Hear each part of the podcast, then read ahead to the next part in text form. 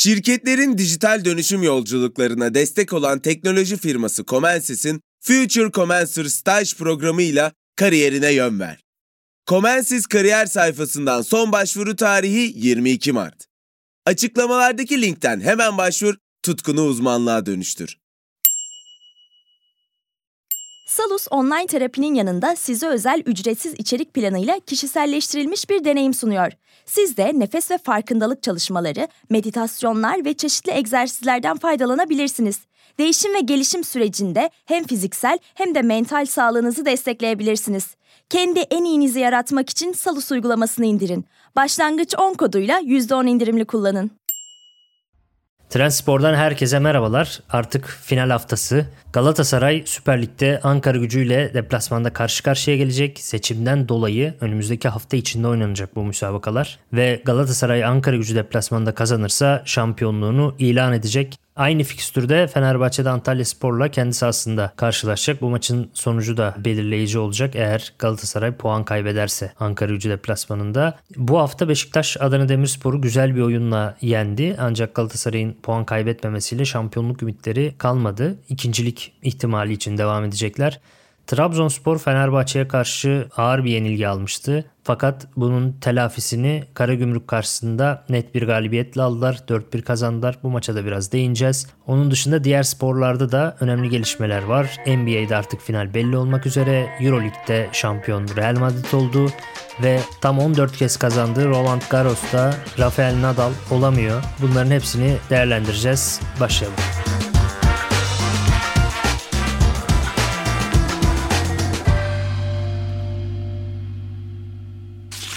Olcan selamlar. Selam Sinan abi.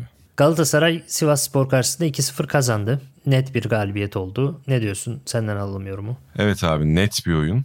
Geçen hafta da seninle konuştuk zaten artık. Öyle göze hoş gelen oyun olsun. Hurra hücum oynayalım vesaire bunları çok fazla görmeyeceğimiz noktalara geldik. Sen de az önce söyledin final haftasına geldik. Galatasaray Ankara gücünü yenisi şampiyon olacak. O yüzden oraya kadar ne kadar az hasar ne kadar az puan kaybı o kadar iyi gözüyle bakılırken zaten Galatasaray hiç fire vermeden devam ediyor. Ve çok net bir şey var ki bunu da kaliteli ayaklarıyla beraber yapıyor hakikaten son dönemde kadro istikrarının getirdiği şey ve iyi skorların getirdiği bir şey olsa gerek. Hakikaten iskelet, ana kadro. Hatta benim sezon başından beri söylediğim o çekirdek. Nelson Abdülkerim, Torreira, Icardi inanılmaz performanslar sergiliyor. Yani belki de tüm sezon geneline baktığında bu kadar uzun süreli bu kadar dominant oynadıkları bir evre olmamıştır. Hep iyilerdi ama bu kadar varlıklarını hissettirdikleri uzun bir süreç hiç hatırlamıyorum. Hakikaten her maçta Nelson'un savunmacılığı, Torreira'nın merkezi toplaması Icardi'nin üstün bitiriciliğinden bahsediyoruz. Ama bir isim daha var ki özellikle ben Sivas maçında yine ve yine çok beğendim. E, tabii bu kadar yıldız arasında çok adı belki geçmiyor ama Kerem Aktürkoğlu hakikaten çok acayip şeyler yapıyor. Sivas maçında da çok beğendim. Ve hoşuma giden nokta şu bu kadar yıldız oyuncunun arasında kendini bireysel beceri anlamında tüm sezon üstüne koya koya geliştirmesi hakikaten beni Kerem özelinde şahsen bir izleyici olarak çok çok mutlu ediyor. Her geçen gün repertuarına yeni şeyler ekliyor. Bence bambaşka bir asistçi oldu. Haneye yazılmayan kilit pas konusunda da mükemmel performans sergiliyor. Yani bir dünya yıldızı forvetin dilinden Kerem'in anlıyor olması bence harika bir olay. Her golde ikisinin imzası var baktığın zaman. Bu anlamda Galatasaray'ın bu kaliteli ayaklarının yanına Kerem gibi çok değerli parçaları, Raşitsa gibi böyle değerli nasıl desem sana asker olabilecek oyuncuları monte etmesi ve sol bek pozisyonu dışında o 10 kişilik rotasyondaki istikrar oturtmasından sonra çok net galibiyetler başladı. Ve inanılmaz da bir savunma güvenliği olmaya başladı. Hiç son dönemde Galatasaray'ın kalesinde net bir tehlike hatırlamıyorum. Sivas maçında da keza böyleydi. Sivas'ın da çok iyi bir kadroyla çıkmadığını biliyoruz zaten kupa maçını düşünerek Rıza Çalınbay bu maçta sahadaydı ama bence Sivas Spor tam kadro olsa bile Galatasaray karşısında gördük ki ve çok eminim ki hiçbir varlık gösteremeyecekti.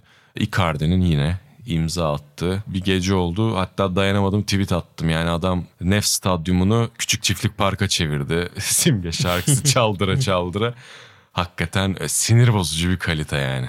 Açıkçası bu plana geçtikten sonra planın uygulanabilmesi de çarpıcı. Yani biz artık daha garanti oynayacağız, az pozisyon vereceğiz, 1-0 2-0'lık galibiyetler alacağız diyebilirsin. Herkes onu ister zaten son düzlükte ama onu uygulayabilmek de o kadar kolay değil. Sonuçta oyuncular yıpranıyor, yoruluyor. Birden bir oyun stil değiştiriyorsun, daha garantici bir oyuna geçiyorsun. Orada istediğini alamama ihtimali de olabilirdi ama Galatasaray üstelik Beşiktaş deplasmanından kötü bir yenilgiyle hem de çok kötü bir yenilgiyle çıkmış olmasına rağmen sonra oynadığı 3 maçta rakiplerine toplamda sadece 0.58'lik bir XG verdi. Yani 3 maçın toplamında yarım gollük pozisyon verdi ve 3 maçta da gol yemedi zaten. 1-0, 2-0 ve 2-0'lık net galibiyetler aldı. Torreira bu dönemde şeyi açtı baya. Final maçlarında kalitesini ortaya koyma olayını açtı. Bu zaten Galatasaray'da biraz şeydir. Geleneksel bir durumdur. Son haftalara girildiği zaman bir oyuncu çıkıp yıldızlaşır.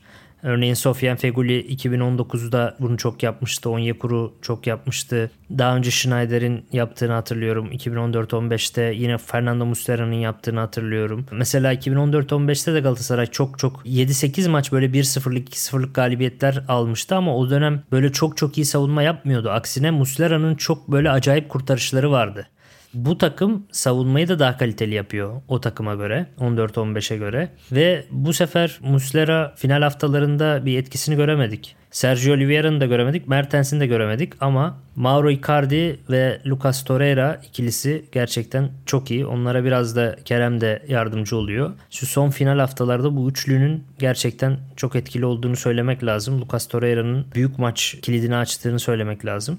Bir de Sivas Spor'da bir dribbling zaafı var. Hatırlarsan Fenerbahçe maçında da Rossi ilk golde driblinglerle girip merkeze açıp oradan golü çıkarmıştı. Evet. Galatasaray'da ilk golü Kerem'in dribbling üstü pasından buldu. Driblingle bir anlık alanı açtı. Eksik yakaladı. İlk pas geçmese bile ikinci pasta gol o şekilde gelmişti. Sivas'ın zayıf karnı bu dribbling yapan oyuncular. Biraz ağır kalıyorlar bence dribbling yapan adamlara karşı. Öyle bir zaafları var onların da. Artı zaafları var. Ben Galatasaray tarafına da değinmek istiyorum. Çünkü az önce oyuncu performanslarına değinirken Saşa Boy'dan da bahsetmemek olmaz. Yine Sivas maçında da inanılmaz. Zaten çok da iyi bir asist yaptı. Aslında o asisti tabii biraz Icardi yarattı diyebiliriz. çok beklenmedik bir anda. inanılmaz. Zaten birazdan Beşiktaş maçına geçince de söyleyeceğiz ama kaliteli santraforun beklenmedik anlarda neler yaptığını bu hafta çok net bir şekilde gördük. Hem Beşiktaş maçında hem Icardi'nin golüyle Galatasaray maçında. Normalde biz hep Galatasaray savunmasını ve ligin böyle eni olarak söylediğimizde en iyi stoper ikilisini Nelson ve Abdülkerim olarak söylüyoruz ama bu ligin en iyi ikilisi Nelson ve Sasha Boy bence.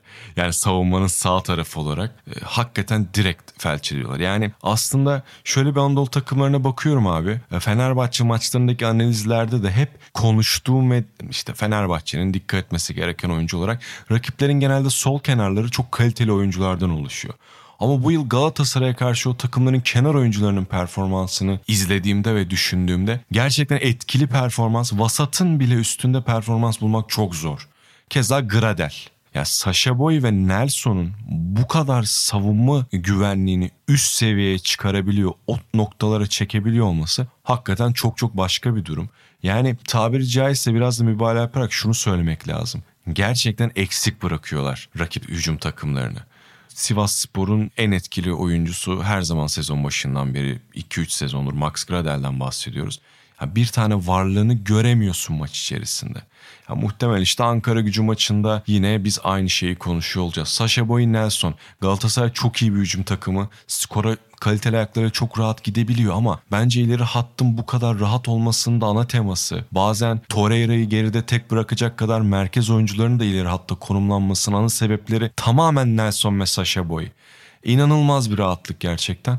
Bu yüzden ben Sasha Boy'u da değinmeden geçmek istemedim. Özellikle Gradel'e karşı olan performansında. Bu arada final maçı Ankara gücü dedik. Ankara gücünün Ümraniye ile oynadığı maçı izledim ben. E, yerinde gidip izledim. Milson sol açıkları Ankara gücünün ve geldiğinden beri en iyi maçını oynamış olabilir. Çok etkiliydi. Gol de attı. Maçın da net yıldızıydı. Milson da önemli bir sınav olacak. Sasha Boy ve Nelson için çok çabuk ele avuca sığmayan tipte bir oyuncu. Ligin en başarılı driplingçilerinden biri bu arada. Hatta ilk 3 sırada olması gerekiyor. Başarılı driplingde. Hakikaten zorlayıcı bir şey olabilir. İyi bir eşleşme orası yani. Dikkat edilmesi gerekir. Bir zor sınavları daha olacak finalde. Bakalım. Aynen öyle. Adana Demir Beşiktaş'a geçelim istersen. Geçelim orada da Icardi'den sonra bir de Abu Bakar'ı konuşmamız gerekecek herhalde. yani bir Fenerbahçeli olarak iyi bir santraforun olunca nasıl hissedersin bunu çok net görüyorum. Şimdi bana belki diyebilirsin ki oğlum 28 gol atan forvetim var. nasıl böyle diyebilirsin ama. Tüm kulvarlarda 32. E, tüm kulvarlarda 32 ama abi takdir dersin ki bambaşka bir şey ya. Ya 32'den daha büyük şeyler var benim gördüğüm kadarıyla. Hakikaten oyun içerisindeki etki, ya kalite gerçekten bambaşka bir şey. Yani normal şartlarda bak düşündüğünde şöyle bir şey var.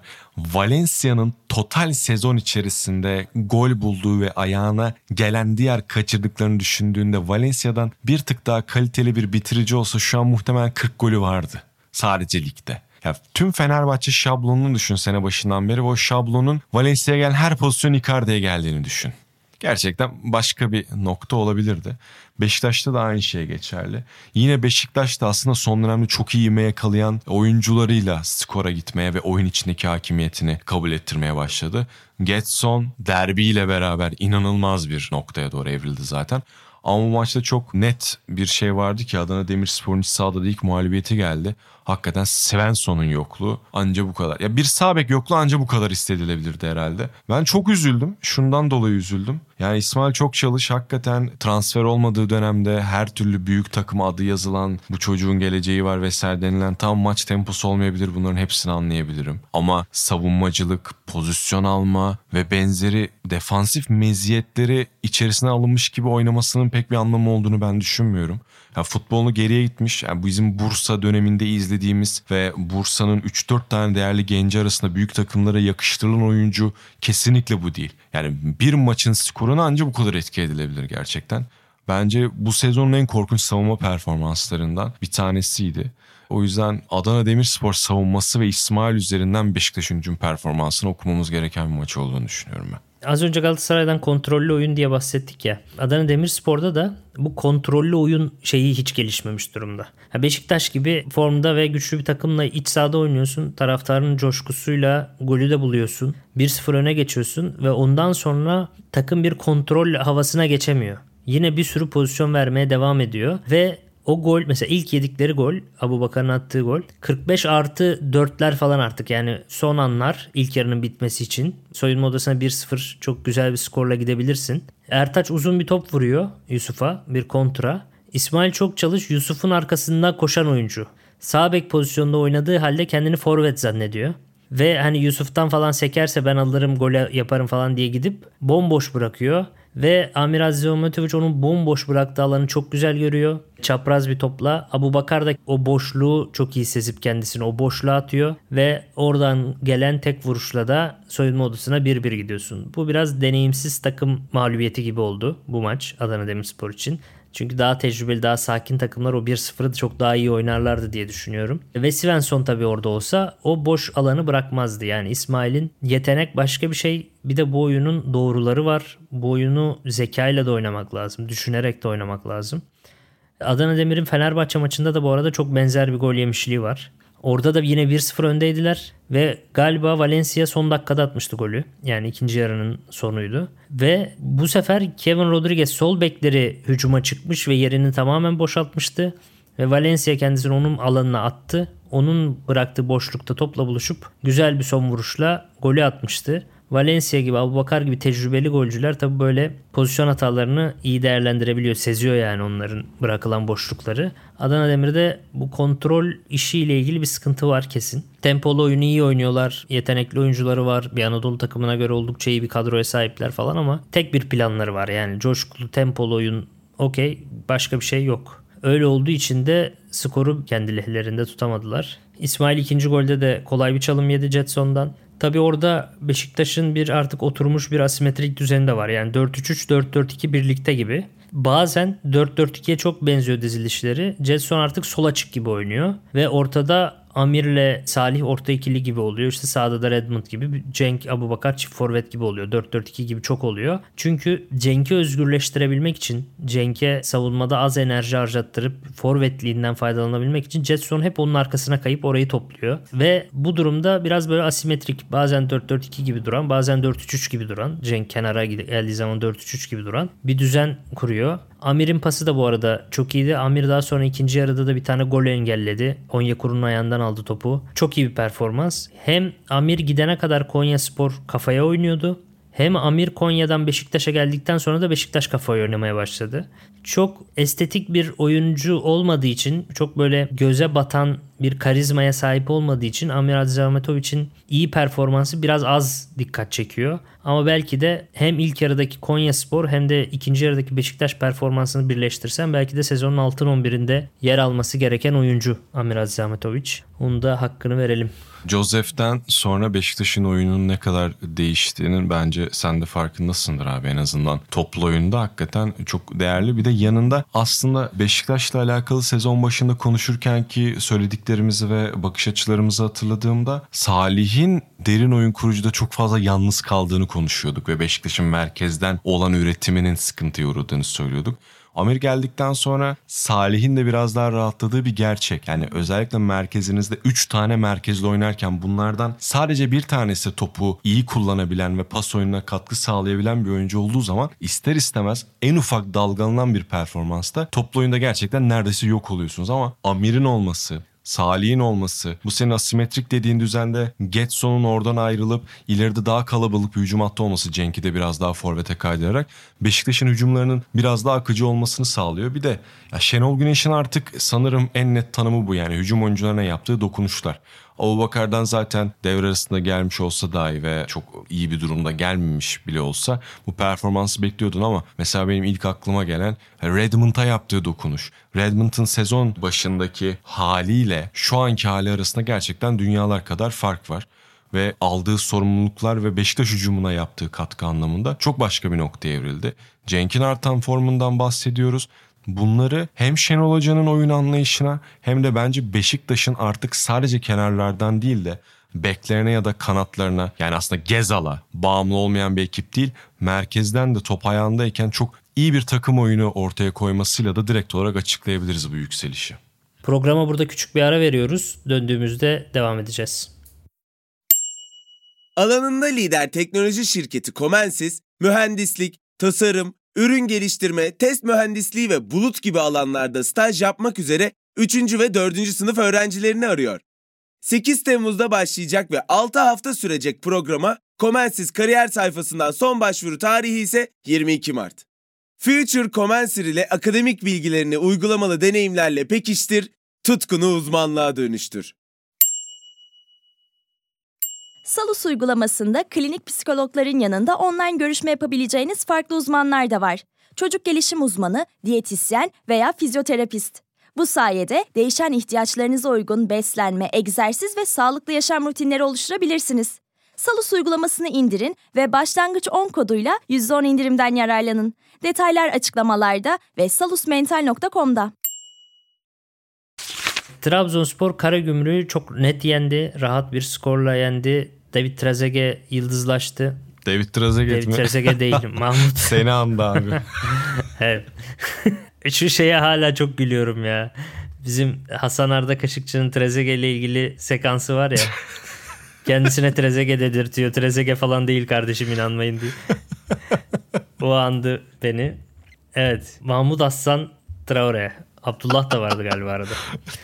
Traore değil ya iyice coştum. Trezeguet. Abi boş ver. Trezeguet'e geç. Trezeguet evet. Trezeguet ile ilgili geçen hafta şey demiştim. Bence Trabzonspor'un en iyi oyuncusu bir sakatlık bir şey yoksa mutlaka oynamalı diye. Bu maçta da yine çok etkiliydi. Gollerini attı. Ama Fatih Karagümrük'ü de hiç olmadığı kadar kötü gördüm. Ya lige erken havlu atmış gibiydiler. Bence Süper Lig'in böyle bir sorunu oldu. Hem deprem nedeniyle ertelenmesi hem seçim nedeniyle ertelenmesi falan fikstür uzadıkça uzadı. 11 Haziran'a kadar uzuyor fikstür ve Avrupa'da oynayacak takımların Haziran'ın 21'indeki haftada Avrupa oynama ihtimali var. Galiba direkt öyle hatta yani Beşiktaş falan öyle. Şimdi bu durumda 20 günlük bir ara kalıyor. 11'inden 21'ine 10 günlük bir ara kalıyor pardon. Bu 10 günlük arada takımlar ne ara hazırlanacak, ne ara dinlenecek? Yeni sezonu çok erken açan takımlar için çok çok büyük bir handikap. Ve Trabzon bu takımlardan biri değil. Üç büyükler Avrupa oynayacak ve çok erken açıyorlar sezonu. Bu gelecek sezon Trabzonspor için çok büyük bir avantaj. Rakipleri çok daha fazla yorulacak ve hepsinden de öte hem bu sezon çok geç bitiyor hem de yeni sezon çok erken başlıyor onlar için. Diğer önceki sezonlardan bile daha handikaplı bir Avrupa sezonu olacak bu. Ve Trabzonspor iyi hazırlanırsa bunun avantajını çok hisseder diye düşünüyorum. Tabi bazı takımlarda Karagümrük gibi ligi çoktan bırakmış görüntüde. Onlar da bu son 2-3 haftada böyle beklentinin altında düşük performanslar gösterecek gibi gözüküyor. Cagne bir gol attı ve gol sayısını 20'ye çıkardı. Ve golden sonra da sevinmedi. Cagne gelecek sene kendisini alabilir diye büyük takımlara gol atarsa sevinmiyor. Öyle bir kurnazlığı var çok komik. Çok gereksiz bir iş. Tam bir kontra atak golcüsü. Daha önce de onunla ilgili hep şey diyordum yani set oynayan bir takımda rakip 30 metrede oynayan bir takımda topu ne kadar yavaşlatıyorsa topu ne kadar kırıyorsa geniş oynayan, kontra oynayan, hızlı oynayan bir takımda da o kadar etkili bir silaha dönüşüyor. Ve işte Trabzon'muş, Galatasaray'mış, Beşiktaş'mış falan değil de buralarda oynarsa yine çok mutlu olamayacak gibi bence.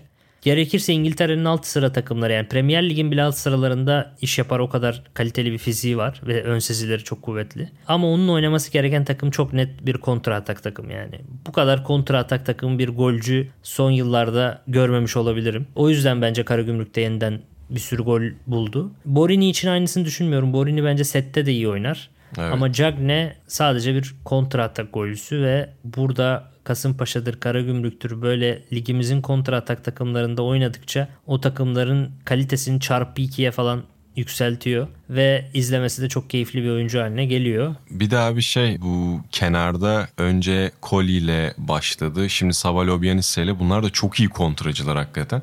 Ve şeyin istatistiğini merak ediyorum. Hani Cagne'ye bu kadar kontralarda ayak uydurabilen iki tane sağ kenar acaba Cagne gollerinin kaçında Saba'nın devre arası itibariyle ve Koli'nin şeyi var. E, asist katkısı var.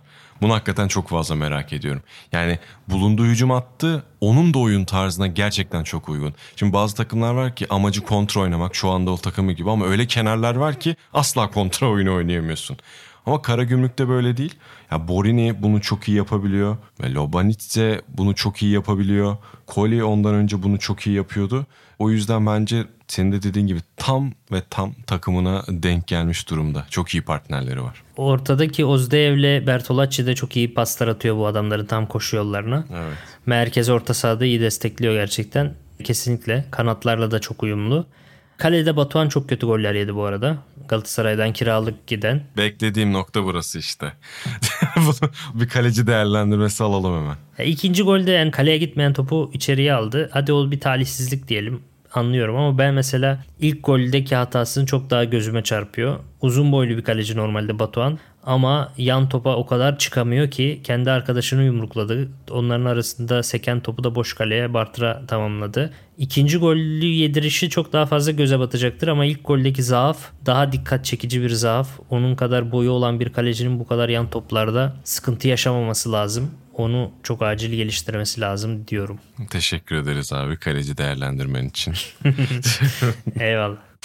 Bu arada abi biz şimdi seninle programı çekerken bir yandan hani sosyal medyayı da kontrol ediyordum ve şunu gördüm. Türkiye Futbol Federasyonu'nun bir son dakika açıklamasıyla Samet Akaydın'ın Trabzon maçındaki tükürmesi nedeniyle PFDK'ya sevk edildiğini açıklamış. 41. madde uyarınca tedbirli olarak. Çok garip geldi bana. Sen ne düşünüyorsun ama? Valla niyet okumayla kanaat getiriyorlarsa büyük yanılgı içinde olabilirler. Bir futbolcunun diğer bir futbolcu öyle çok bunu kasıtlı böyle bir şey yapabilme ihtimalini pek görmüyorum ben açıkçası. Öyle bir maçta değildi çünkü. Samet'in de kariyerinde böyle davranış var mı ben hatırlamıyorum hiç. Hani niye secdeye yatan bir futbolcuya niye tükürsün Samet? Samet de Trabzonlu diye biliyorum. Ayrıca Müslümandır diye tahmin ediyorum. Evet öyle. Yani niye böyle bir davranışta bulunsun? Bir de bence açılar da yanıltıyor insanları. Muhtemelen diğer başka bir açıda Trezeguet'e o kadar yakın bir yere tükürmüyordur Samet. Zaten kendisi de böyle bir açıklama yaptı yani hiç böyle bir niyetinin olmadığını işte bir futbolcu alışkanlığı maalesef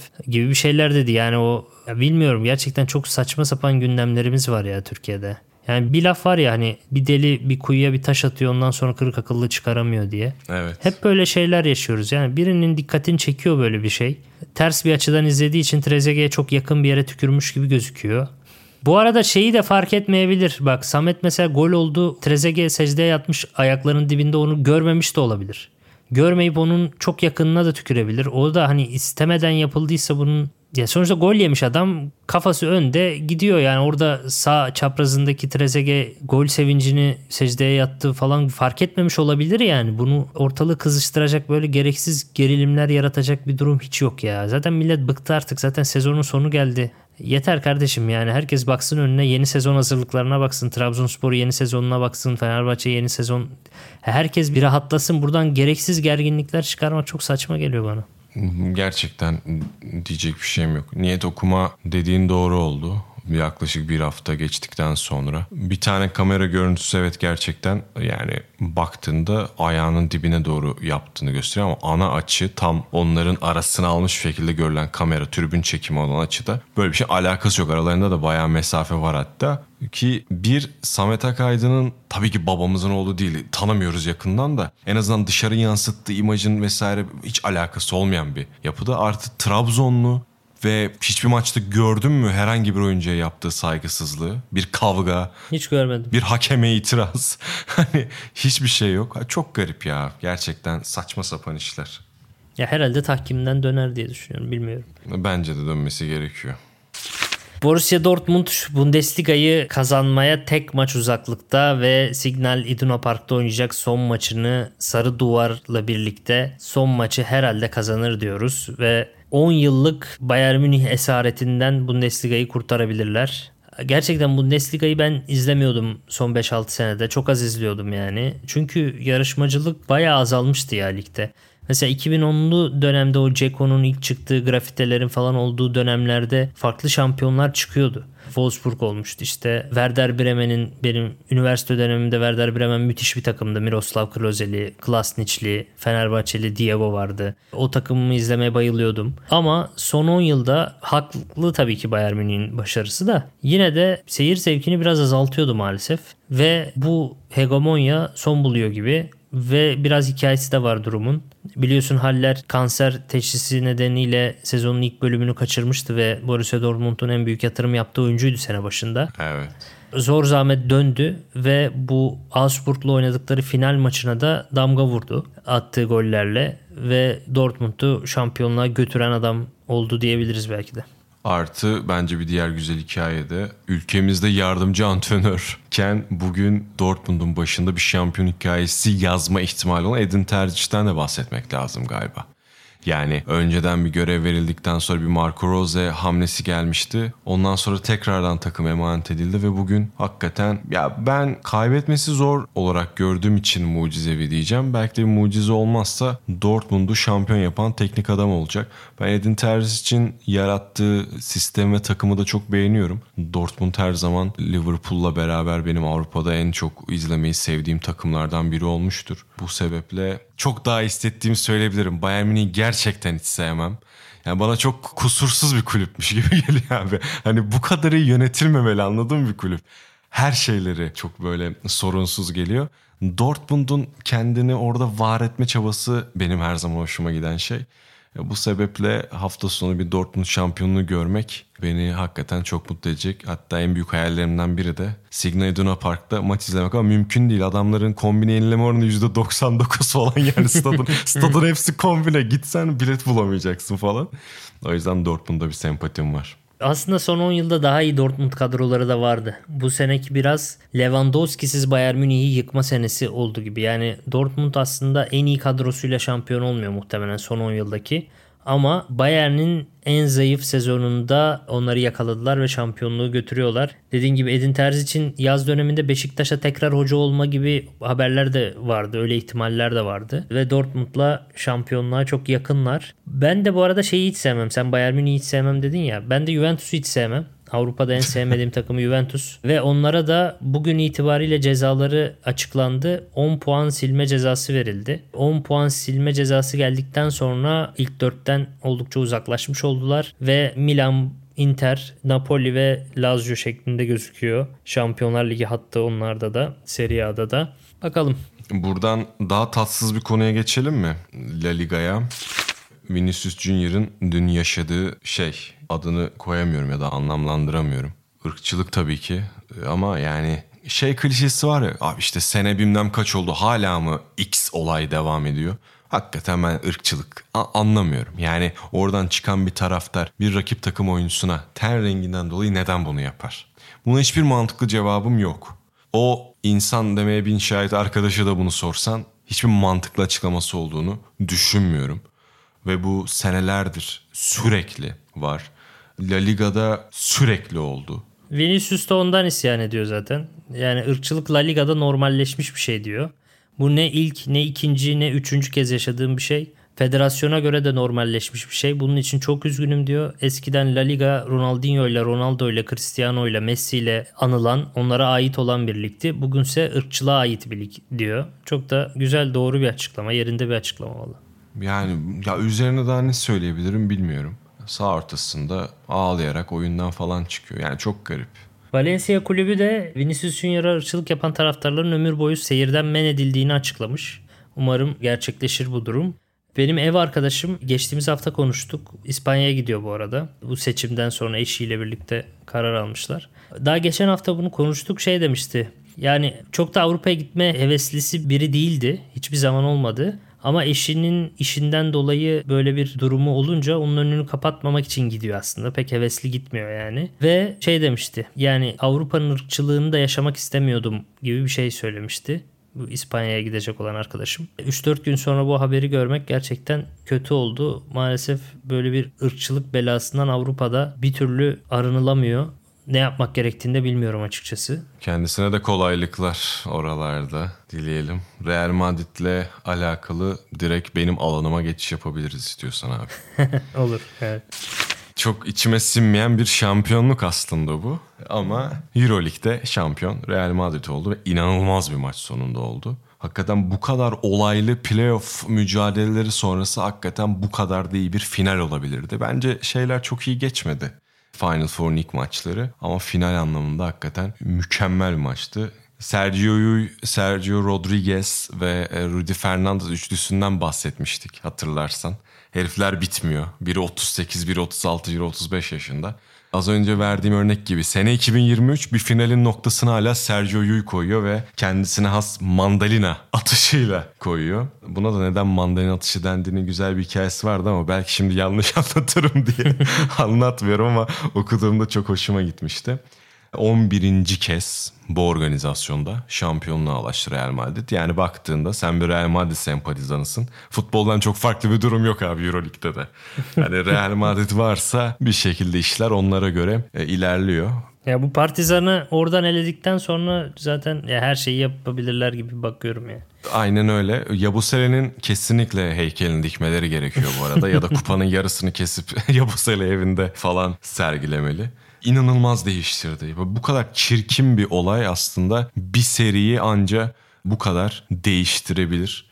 Gerçekten noktayı koyan isim de aslında burada o playoff serisinde. Çünkü Real Madrid'in oradaki eksikleri çok fazla hissedilmeyebilirdi ama Partizan'ın en etkili Panther'dan bahsediyorum tabii. En etkili oyuncular Lezort'tan bahsediyorum. Bir maç bile yararlanmamak Partizan'ın gücünün direkt aşağı inmesiydi. Ondan sonra o seriyi alıp buraya kadar çok iyi geldiler. Sana söylemiştim hatırlarsan.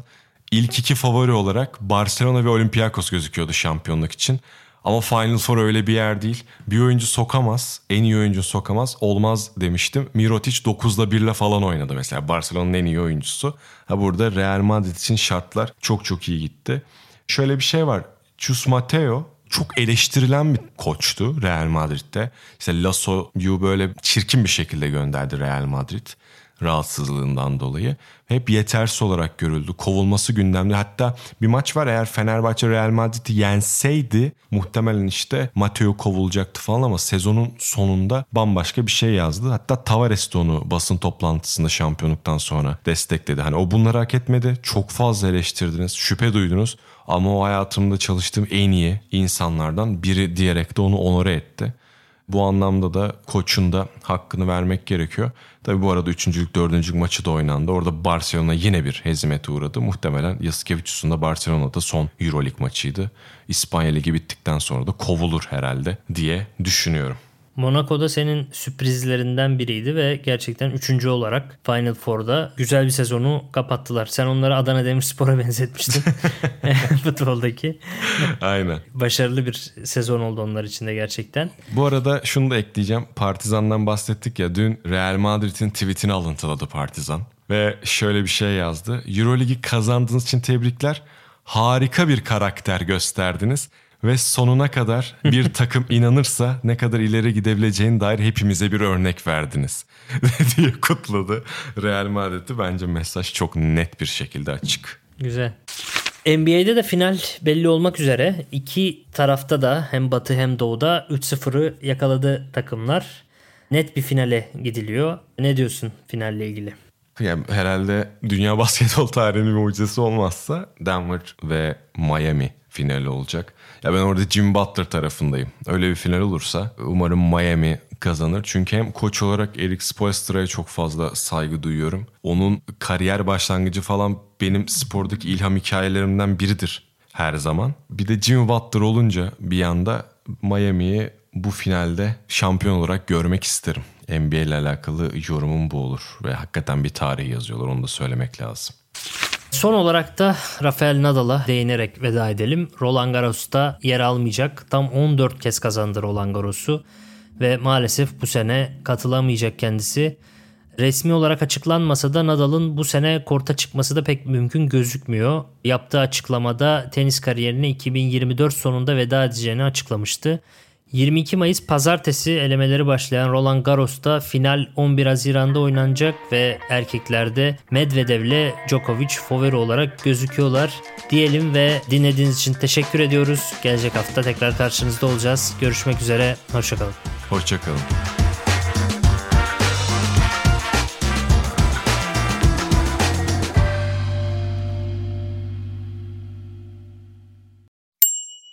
Future Commencer staj programı ile kariyerine yön ver. Comensis 6 haftalık staj programı için 3. ve 4. sınıf mühendislik öğrencilerini arıyor. Comensis kariyer sayfasından son başvuru tarihi 22 Mart. Açıklamalardaki linkten hemen başvur, tutkunu uzmanlığa dönüştür.